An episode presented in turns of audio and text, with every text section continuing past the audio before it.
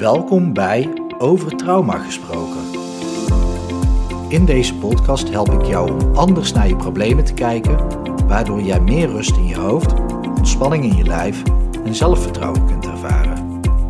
Heel veel succes en veel plezier met deze aflevering. Je trauma is niet je trauma.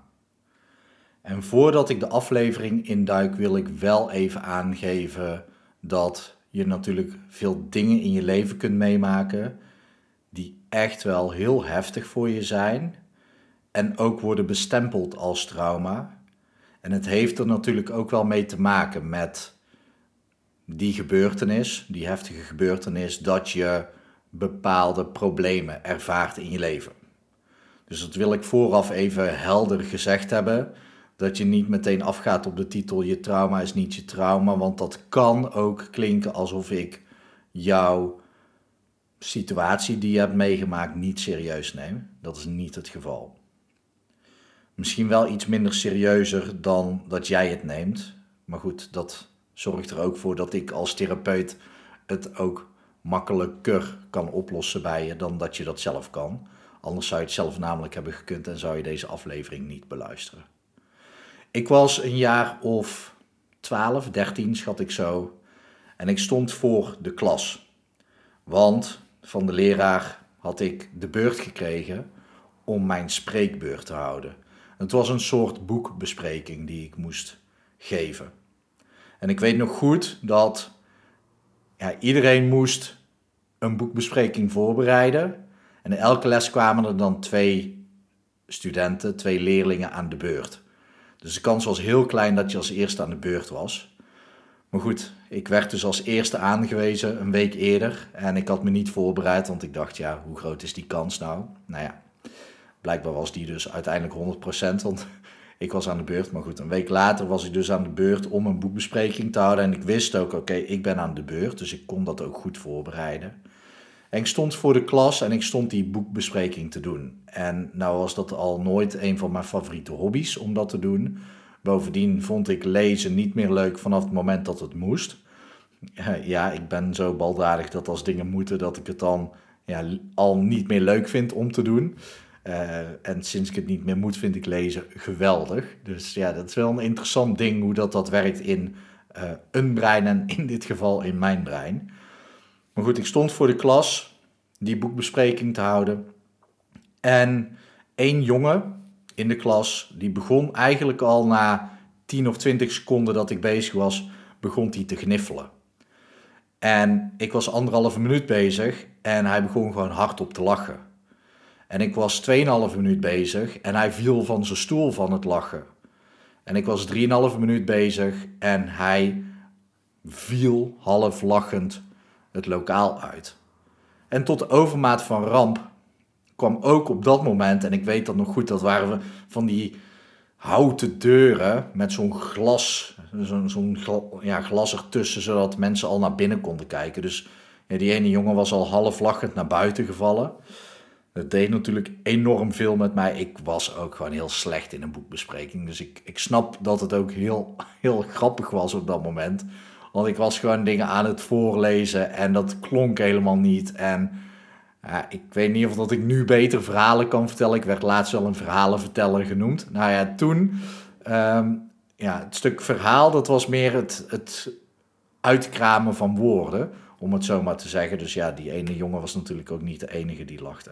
Maar hij was weg en de deur was dicht en ik, ik keek hem na, want die deur die klapte hard dicht. En terwijl ik naar die deur keek, ja, stond er opeens een de directeur of de decaan of in ieder geval een, een belangrijk iemand ook voor de deur. Dus die kwam binnen net nadat er een jongen half lachend de klas uit is gevallen. Terwijl ik daar stond en ik werd onderbroken, moest ik daarna ook weer door met mijn boekbespreking. Nou, je kunt je voorstellen, ik, uh, ik stond daar en ik zakte echt. Ja, ik weet niet waarom het niet gebeurde, maar ik kon echt door mijn knieën zakken. Um, ik wilde me ook gewoon verstoppen achter zo'n bord, zo'n groen klapbord, weet je wel. Daar wilde ik gewoon het liefst achter staan of gewoon weg, gewoon naar huis. Dat was natuurlijk een hele heftige ervaring. Want ja, voor een klas van, wat zal het zijn geweest, 20, 25 leerlingen. En dat één iemand al lachend de klas uit is. En de rest deed natuurlijk ook mee. Ik werd gewoon zwaar uitgelachen. En ik voelde me kleiner en kleiner en kleiner worden. En dan zou je kunnen zeggen, ja Paul, daar heb jij een trauma opgelopen. Dat zou zomaar kunnen, zou je dan denken. Maar ik was 12 of 13 jaar.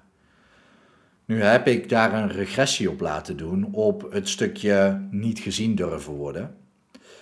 En ik kreeg toen ook de vraag van heb je enig idee waar dat is ontstaan? En deze situatie die kwam natuurlijk naar boven, want het was nogal een heftige situatie. Het feit dat ik dat nu ook zo goed kan herinneren en zo goed kan vertellen, betekent dat die situatie me heel lang is bijgebleven, in ieder geval tot aan nu. En ik vertelde dat en de therapeut die zei: laat jezelf verbazen over waar het is ontstaan.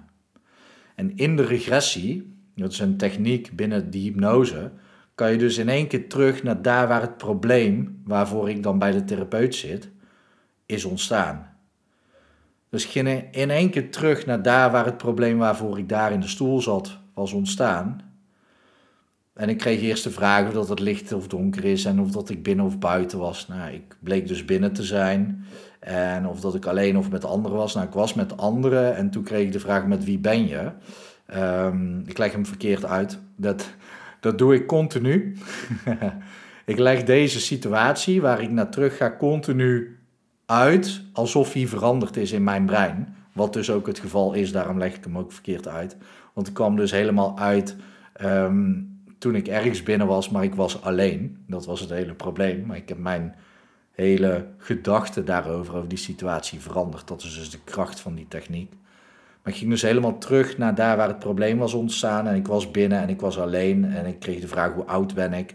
ik was drie jaar en ik zat in de woonkamer van mijn ouderlijk huis. En dat is voor een driejarige natuurlijk enorm spannend.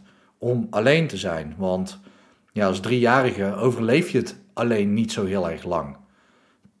Totdat het eten op is en het drinken op is. En volgens mij ga je eerder dood aan uh, vochttekort.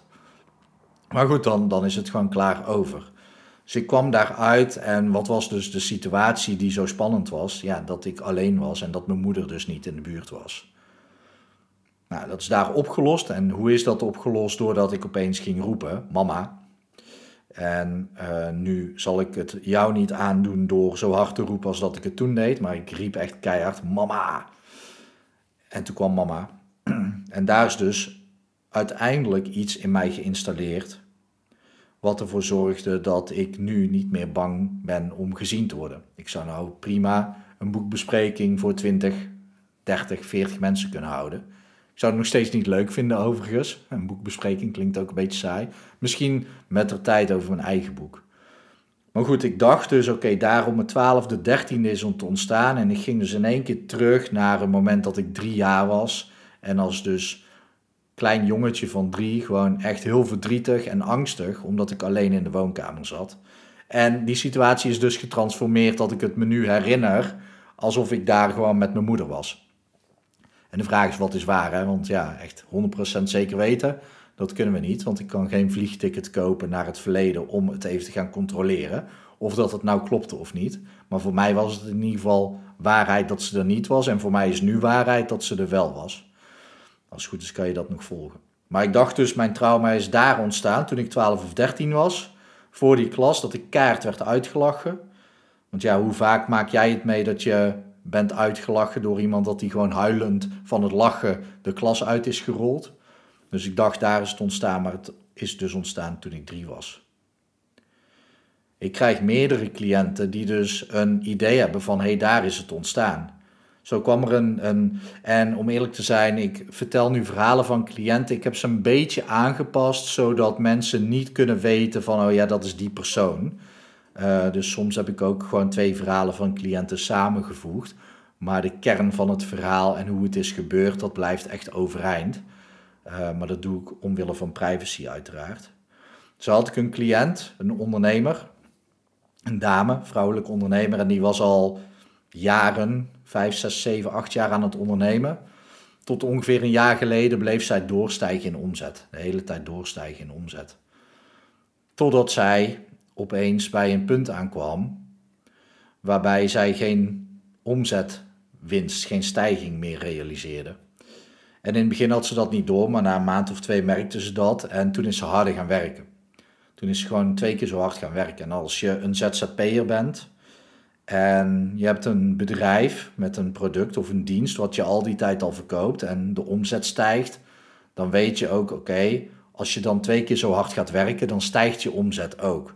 Nou wil dat niet automatisch zeggen dat je omzet ook twee keer uh, maal twee stijgt. Dat hoeft dan weer niet, maar je weet gewoon als ZZP'er, als je een dienst of product hebt wat al verkoopt, als je twee keer zo hard gaat werken, dan verkoop je daar meer van. Dus genereer je meer omzet. Zij niet. Het leek alsof zij continu tegen een glazen plafond botste. En dat was al een jaar aan de gang totdat ze bij mij kwam. En ik vroeg aan haar: Heb je enig idee waar dat is ontstaan? Waar is dat glazen plafond ontstaan? En ze zei: Ja, ik weet het niet zeker, maar ergens, ook rond haar twaalfde, was ze heel erg gepest op school. En zij dacht: Ja, dat heeft daarmee te maken. Ik zei: Laat jezelf verrassen. Dus ook bij haar, zij dacht dus op haar twaalfde is het ontstaan, maar ook haar bracht ik haar in één keer terug naar daar waar het is ontstaan. En ik vroeg aan haar ook eerst, hè, is het licht of is het donker? Nou, het was licht. Ben je binnen of buiten? Ze was buiten. Alleen of met anderen, met anderen. Nou, zo was met de moederfiguur. En ik vroeg, waar ben je? Ja, in de speeltuin.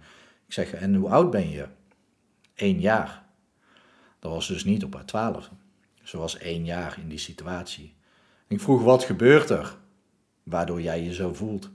En ze vertelde mij dat ze zich enorm verdrietig voelde. En ze was ook een beetje aan het pruilen. Zo'n pruillip zat ze ook gewoon bij mij in de stoel. Zo'n volwassen dame. Maar dan, ja, omdat ze dan opeens verbinding maakte met haar eenjarige, werd ze ook heel kinderlijk en een pruillip. En wat was er nou? Ze wilde heel graag op het klimrek, maar dat mocht niet van die mevrouw.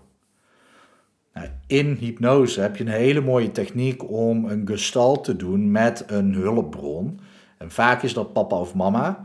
Maar in dit geval vond ze het oké om dat te doen met die mevrouw. De cliënt kiest daar, dat gebeurt vanzelf. Ik zal dat misschien een keer interessant om daar in een andere podcast over te vertellen. Want er ligt natuurlijk ook iets onder. Ik noem het nu hulpbron en dan zal je het heel even mee moeten doen. Daar kom ik straks nog wel even op terug. Maar een gestalt vindt plaats. Dat houdt in dat zij als het ware in die mevrouw stapt. Als het ware die mevrouw wordt. Bij familieopstellingen herken je dat als een representant bijvoorbeeld. Maar ja, ik ga niet in hypnose opeens een deur openen en zeggen: Nou, kom maar even binnen met een aantal mensen. om representanten voor elkaar te krijgen of uh, daar aanwezig te hebben. Dat is ook nergens voor nodig. Bovendien is hier juist ook de kracht dat iemand in de ander stapt. Maar goed, daar, zij was dus één en ik laat haar in die mevrouw stappen, zodat zij vanuit die mevrouw kan spreken tegen de eenjarige cliënt. En de cliënt was natuurlijk helemaal oké en het lag ook helemaal niet aan haar. En ze had ook gelijk dat ze zich zo voelde, want dat is het natuurlijk. Voor een eenjarige, voor iemand die één jaar is, vergaat de wereld als je niet op een klimrek mag. Dan vergaat de wereld. Dat is een trauma. Dat wordt vastgezet in je lichaam. Op het moment als dat er niet uitkomt, op dat moment als dat verhaal niet afverteld wordt, als die energie niet vrijkomt, dan is dat dus iets wat je de rest van je leven bij je draagt. Uiteindelijk vroeg ik aan die vrouw: Is er nog iets wat je tegen haar zou willen zeggen? En zij vertelde: Ja, ze moet het gewoon doen. Want uiteindelijk mocht zij dus niet van die mevrouw op het klimrek. En ik weet niet of ik dat net heb gezegd, maar dat was dus het probleem. Ze wilde op het klimrek, maar dat mocht niet van die mevrouw. En nu zei die mevrouw dus, terwijl de cliënt die mevrouw was, ja, ze moet gewoon niet naar mij luisteren en het gewoon doen. Dus nou mooi, ik uh, laat de cliënt weer terug in de eenjarige zelf stappen, de eenjarige cliënt. Ik zeg, wat wil je nu doen? En, en ze zei heel enthousiast, ja, ik wil nu op het klimrek. En het leek net alsof zij in de stoel, als het ware, die stapjes maakte van op dat klimrek klimmen. Ik zeg, en nu? Wat, uh, wat zou je nu willen doen? En zegt, ja, nu wil ik van de glijbaan af. En dat was precies waarom zij dus op dat klimrek wilde. Zij wilde van de glijbaan af. Ik zeg, nou, doe maar. En ze zat in de stoel en werkelijk waar, het leek alsof zij in die stoel zo van de glijbaan gleed. Ze zuchtte ook toen ze beneden aankwam. En toen kwam er één traan. Terwijl ze zo beneden aankwam, kwam er één traan. Dat is echt waar. Eén traan. En ze zei, eindelijk. Nou, haar ook weer op laten groeien. Dat doe ik altijd in een sessie, iemand op laten groeien. Want ja, anders blijf ik met een eenjarige cliënt in de stoel zitten. Dat is een beetje gek. Zij groeit op en die situatie op haar twaalfde doet er helemaal niet toe. Deed er helemaal niet meer toe. Daar had het dus niks mee te maken. Dus ook zij dacht, ja, mijn trauma is ontstaan op mijn twaalfde terwijl ik gepest werd. En blijkbaar is dat dus ontstaan toen ze één jaar was. En dat is dus heel interessant. Want bij mij was het dus niet om mijn twaalfde of dertiende en bij haar ook niet. Maar eerder. Maar dat is vaak niet wat je je herinnert. En nu gaat pesten, klinkt misschien anders, maar dat geldt voor allerlei dingen die je mee kunt maken. Zo had ik ook een cliënt en zij heeft anderhalf jaar geleden een ongeluk gehad. En daarbij is ze ook ehm, fysiek beperkt geraakt. Laat ik het zo erop houden. Laat ik het daarop houden. Een fysieke beperking.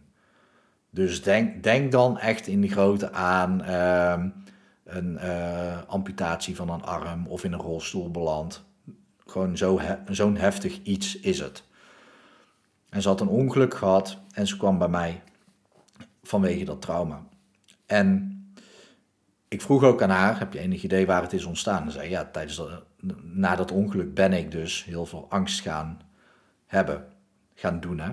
Doen is het. Doen. Um, zij durfde gewoon heel veel niet meer. Ik zeg, nou, laat jezelf verrassen. Dus ik breng haar in hypnose en ik breng haar in één keer terug naar daar waar het was ontstaan. Voor haar. En ik vroeg, is het licht of is het donker?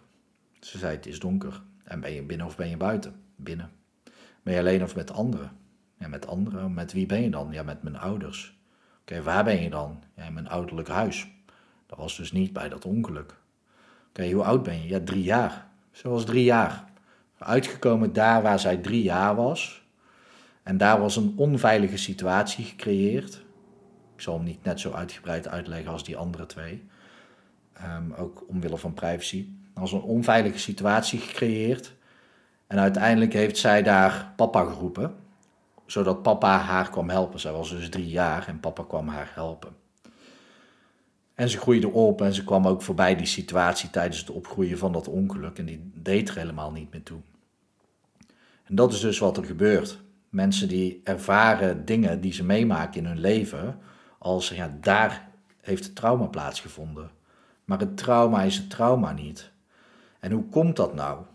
Hoe komt het nou dat we wel denken dat het daarmee te maken heeft, maar dat het daadwerkelijk niet het probleem is, of niet het punt is waar het is ontstaan?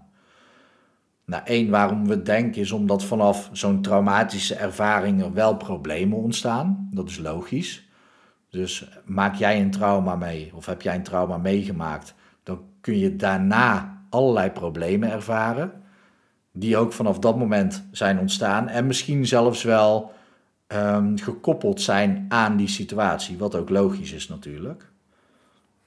Maar uiteindelijk als ik met mensen ga werken, dan kom ik altijd, bijna altijd op een eerder moment uit. En waarom werkt dat nou? Kijk, in die traumatische ervaring, daar had jij iets nodig, een bepaald gedrag, een bepaalde overtuiging, een bepaald gevoel, en tijdens die ervaring, die, die traumatische ervaring, had je dat niet, omdat je dat vanaf kinds af aan niet geleerd hebt. Want stel nou, stel dat jij nu, vandaag of morgen, iets meemaakt in je leven, wat anderen misschien heel heftig vinden, maar jij denkt, oh, dat ken ik wel. Dat heb ik al een keer meegemaakt of heb ik al een keer gezien. Misschien heb je eerder een heftig verkeersongeluk gezien en zie je dat, eh, ik hoop het niet natuurlijk, hè, maar zie je dat vandaag of morgen weer. En dan denk je, ja, nou ja, ik heb het toen ook gewoon overleefd. Het aanschouwen ervan, hè. Um, het ging hartstikke goed. Ik uh, was erg behulpzaam. Ik kon toen ook gewoon uh, mensen helpen en rustig blijven. Dus ja, als je dat vandaag of morgen weer meemaakt, dan zal jij dat ook zo kunnen. Het kan zijn dat iemand anders zo schrikt dat hij gewoon wegrent. Dat hij denkt, ja, ik, ik moet hier gewoon wegwezen. ja, die heeft daar nooit mee geleerd om te gaan. En dat kan dan een traumatische ervaring zijn, want dan gebeurt er dus iets heftigs en dan heb je dus een vluchtreactie. Dat koppel je aan elkaar. Ja, vanaf dat moment kan het zijn dat die persoon die is weggerend daar best wel problemen mee heeft. Waarschijnlijk wel minder dan degene die in het ongeluk zelf zaten. Uh, maar dan kan het dus zijn dat diegene denkt dat het door het ongeluk komt. En wat er dan kan gebeuren is dat je naar therapeuten gaat en die gaan continu over dat ongeluk praten. Maar op dat moment had je dus iets nodig in jezelf, een bepaald gedrag, een bepaald gevoel, een bepaalde overtuiging, die je dus van ergens in je kind, toen je kind was, ergens toen je, ja, waarschijnlijk ergens tussen je nulde en zevende levensjaar, of ik moet eigenlijk zeggen min drie, min vier maanden tot aan zeven jaar. Soms ontstaat het in de baarmoeder. Toen had je dat ook al zo'n situatie waarin je dat nodig had en niet had. En dat wordt dan getriggerd op dat moment. En als je dan dus teruggaat naar die situatie en het daar kunt installeren, alle situaties die daar dan mee te maken hadden, die vallen gewoon om. Die, die veranderen gewoon, die transformeren. En dat was dus met al die voorbeelden, die van mij en die van de andere twee cliënten ook het geval. Op het moment dat zij dus, uh, en vooral die bij dat ongeluk, is dat heel duidelijk naar voren gekomen. Die bij dat ongeluk had diegene dus een bepaald gevoel nodig, wat ze nooit had ontwikkeld vanaf haar jeugd. En ja, daar heeft ze dus heel haar leven last van gehad, alleen niet zo erg als uh, na het ongeluk. Dus het ongeluk is wel een trigger en dat is natuurlijk ook een traumatische ervaring. Maar op het moment dat je dat gaat oplossen in je jeugd, dan, ja, dan, dan wordt, worden gewoon al die situaties die daarmee te maken hadden, gewoon getransformeerd. En dat is geniaal, want wat er dan gebeurt, is dat er dus eigenaarschap ontstaat. Dan ontstaat er eigenaarschap en zelfredzaamheid voor elke situatie. Want zo zijn er dus ook mensen die bijvoorbeeld op de ambulance werken, die dagelijks worden geconfronteerd met heftige gebeurtenissen ja, die kunnen dat aan. Die weten hoe ze daarmee om kunnen gaan. Dus ja, als iemand die al uh, tien jaar op de ambulance rijdt, een uh, verkeersongeluk meemaakt in privé-tijd, ja, die zal ook rustig blijven en vanuit kalmte handelen. Ervan uitgaande dat het geen dierbaar is, hè? Dan, dan kan het weer een ander verhaal zijn. Maar zelfs dan kan je terugvallen op routine. Maar bij dierbaren is het natuurlijk iets anders wat er wordt getriggerd. Maar als, als iemand die al tien jaar op de ambulance rijdt en ja, heeft ge, verkeersongevallen ongevallen gewoon prima aan kan, dan zal nu, vandaag of morgen, als zo'n ongeval plaatsvindt, zal diegene ook zo reageren. Dus dat is het. Kijk, op het moment dat jij dus dingen meemaakt in je leven die je prima aan kunt, dat voel je vanuit, van binnenuit, dat jij het kan dragen, die last, dan heb je nergens last van. Letterlijk. Dan, heb je, dan voel je die last niet. Dan kom je uit bij ja, iemand die bijvoorbeeld eh, net aan het trainen is en 20 kilo optilt, die dat al zwaar vindt als je net begint. Terwijl als je dan vijf jaar verder bent, dan tilt diegene misschien makkelijk 100 of 120 kilo op. als je dan een keer 20 kilo op moet tellen, dan is dat peulenschil. En zo geldt dat met draagkracht ook. En op het moment dat jij dus zelfredzaamheid en eigenaarschap in jezelf aanzet voor gebeurtenissen in je leven, dan kan je die gebeurtenissen aan. Dus dan doet een trauma er ook niet meer toe. Eh, alleen vaak heeft de kleine jij in jou datgene nog te leren. Want heel veel dingen leren we wel tussen 0 en 7. Heel veel onhandige dingen ook. Maar heel veel dingen die je zou moeten leren, die leer je daar niet. En vaak kan dat niet anders. Hè? Ouders kunnen niet uh, alles uh, goed opvoeden. Bovendien, als je heel goed en heel veilig beschermd wordt opgegroeid, opgevoed, dan zijn juist heftige dingen weer. Um, ja, die kunnen dan heel snel triggeren, omdat je, ja, dat ben je niet gewend vanuit je jeugd om daarmee om te kunnen gaan. Dus dat is super interessant dat een trauma dus niet je trauma is. Tenminste, vaak denk je dat iets een trauma is, maar daar heeft het dan vaak niks mee te maken. Wat voor jou dus interessant is, is om bij jezelf na te gaan van oké, als jij dus aan een trauma denkt, wat je hebt ervaren, en na dat trauma ben je een bepaald gedrag gaan vertonen. Als je dan eens gaat denken aan die situatie, oké, welk gedrag of welke overtuiging, welk gevoel had ik daar nodig gehad? Is dat veiligheid? Is dat zekerheid? Is dat vertrouwen? Is dat daadkracht? Kan van alles zijn natuurlijk, maar denk daar eens over na. En als je dan dat weet, als je zegt bijvoorbeeld, nou daar had ik dus zelfvertrouwen nodig gehad. Op het moment dat jij dan denkt, oké, zelfvertrouwen had ik daar nodig. Toen ik kind was, heb ik dat ook gemist. En dan kan je gaan nadenken bij jezelf van, hé, hey, oké, maar zelfvertrouwen had ik toen in die situatie nodig gehad en heb ik als kind gemist. Maar nu ben je volwassen en je bent wijs genoeg. Hoe kan jij zelfvertrouwen in jezelf aanzetten? Je hebt genoeg situaties waarin jij je al zelfverzekerd voelt. Daar denk je misschien niet over na, maar er zijn er genoeg te, te vinden. Ik leg het, vooral bij zelfverzekerdheid, leg ik dat vaak uit aan de hand van wanneer je zit te poepen of aan het tandenpoetsen bent. Je voelt je prima zelfverzekerd over hoe jij je tanden poetst. Doe je fantastisch. Of hoe je zit te poepen. Je weet heel goed hoe dat, dat moet. Dus dan kan je prima zelfverzekerd over voelen. Dan zit je lekker zelfverzekerd te poepen. En op het moment dat jij dus meerdere situaties hebt, misschien ook wel andersoortige situaties, bijvoorbeeld in je werk over een bepaald onderwerp dat je echt veel zelfvertrouwen ervaart, dan kan je dat gevoel oproepen. met dat gevoel van zelfvertrouwen aan die situatie denken, aan bijvoorbeeld die traumatische situatie, maar ook bij jezelf eens nadenken. Misschien moet je daar dan je ogen voor sluiten. Niet nu, als je aan het fietsen bent of autorijden of zo. Of aan het lopen is dat ook onhandig. Maar een keertje gewoon even de tijd nemen. Dat je gewoon met je ogen dicht gaat zitten.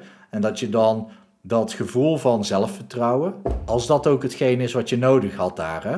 Dus het is wel belangrijk om voor jezelf echt even te onderzoeken. Wat had je nodig in die situatie? Tijdens die traumatische ervaring. Wat had je nodig? Nou, dat gevoel, dat ga je dan aanzetten en dan sluit je even je ogen en dan ga je na dat gevoel toe. Dan ga je dat gevoel gewoon oproepen in jezelf. Als het goed is, kan je vast wel zelf dingen voelen. Als je dat moeilijk vindt, dan zou je van tevoren even een oefening kunnen doen door bijvoorbeeld het aanspannen van spieren. En doe je, je kan al je spieren in één keer aanspannen en dan even loslaten. Doe je eerst 5 seconden, dan 10 seconden, dan 15 seconden. Dus even al je spieren aanspannen en loslaten. 5 seconden, 10 seconden, 15 seconden. Dan, krijg je meer gevoel in je lichaam. Je kan het ook per uh, lichaamsdeel doen. Dus eerst je voeten, dan je kuiten, dan je bovenbenen, uh, onderarmen, bovenarmen, borst, buik, billen. Kan allemaal. Schouders, je voorhoofd kan ook. En, en dan hoef je dat niet allemaal in die trap te doen, 15 of 15. Dan doe je gewoon al je lichaamsdelen die je doet, doe je even 5 seconden spannen en ontspannen. Zo maak je meer contact met je lichaam. Maar op het moment dat jij dat gevoel dus voelt, dan kan je met dat gevoel, wat zei ik, volgens mij zelfvertrouwen, kun je prima dat gevoel van zelfvertrouwen oproepen. En dan eens met je ogen dicht over je eigen tijdlijn gaan. Gewoon even terugdenken aan alle situaties met dat gevoel van zelfvertrouwen. En zorg dat je dat gevoel van zelfvertrouwen blijft oproepen. Dus terwijl je aan die situaties terugdenkt, blijf je gewoon dat gevoel van zelfvertrouwen oproepen. En doe dat met alle situaties die je kunt bedenken. Begin dan eerst met degene die bijvoorbeeld gisteren was of vorige week, waarin je dat gevoel ook nodig had. En dan ga je zo helemaal terug, helemaal terug tot, ja, tot waar je ook komt. En dan neem je dat gevoel van zelfvertrouwen gewoon mee. En dan ga je daarna ook weer terug vooruit. Want anders zit je met je ogen dicht en voel je één jaar, doe je ogen open en voel je één. Dat, dat kan onhandig zijn. Um, dus doe je ogen dicht en neem dat gevoel van zelfvertrouwen helemaal terug mee je verleden in. En daarna weer helemaal terug mee naar het hier en nu. Wat je dan eventueel kan doen, is dat gevoel van zelfvertrouwen ook over toekomstige situaties in je leven plakken. En zo kan je eigenlijk heel makkelijk je eigen tijdlijn opruimen. Waarbij je dan mag beseffen dat tijd eigenlijk een gewoon illusie is. Want er is niks anders dan nu. Wat ik al zei, je kan geen vliegticket kopen naar je verleden. Ehm, ook niet naar je toekomst. Je kan alleen maar nu een vliegticket boeken naar een andere plaats waar je dan ook nu bent.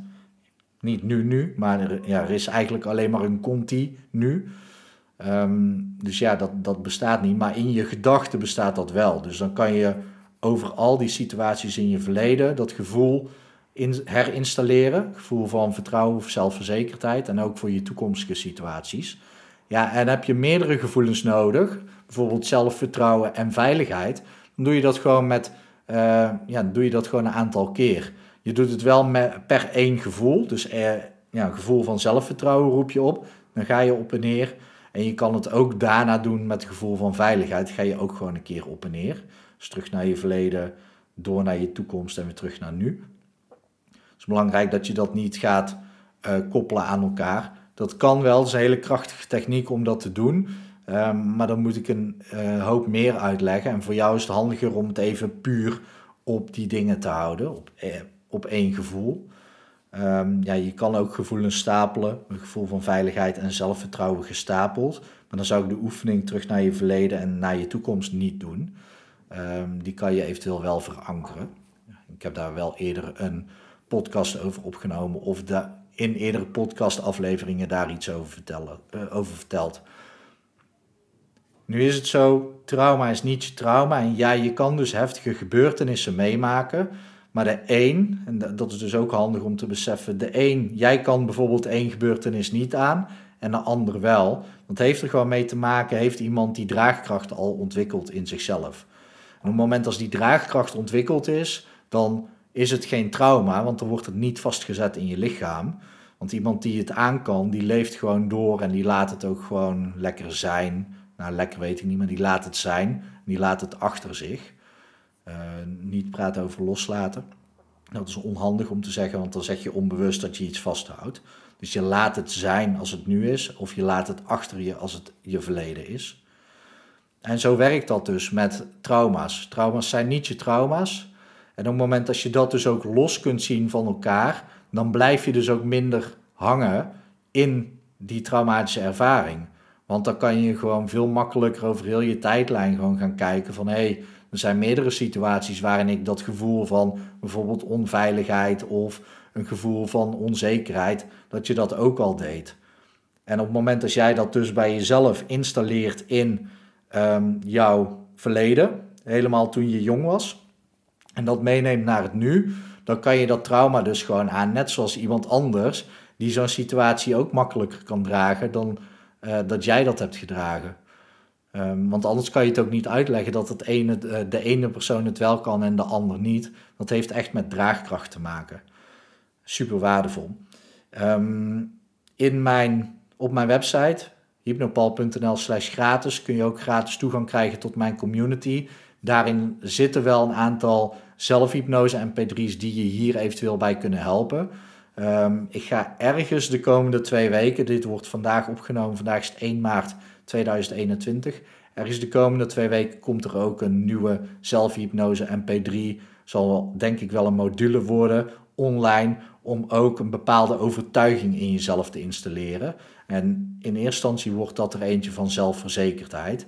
Die kan je ook al helpen. Dus mocht je dit na die datum horen, ja, ga dan echt even naar hypnopal.nl slash gratis.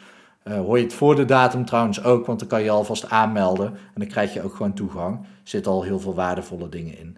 Mocht je hier vragen over hebben, laat het me gerust weten. Ja, wil je echt van je trauma af, dan ben je bij mij natuurlijk uh, aan het goede adres.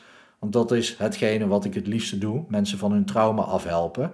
En dat doe ik dus op een manier die ik zojuist heb omschreven, zoals die bij mezelf is toegepast, maar zoals ik die ook bij cliënten toepas heel waardevol om te doen, want waarom zou je ermee rond blijven lopen? Dat zou zonde zijn. Ik hoop natuurlijk dat het goed met je gaat. Ik hoop dat het goed gaat met dierbaren van je. En ik wens je uiteraard ook nog een hele mooie dag toe.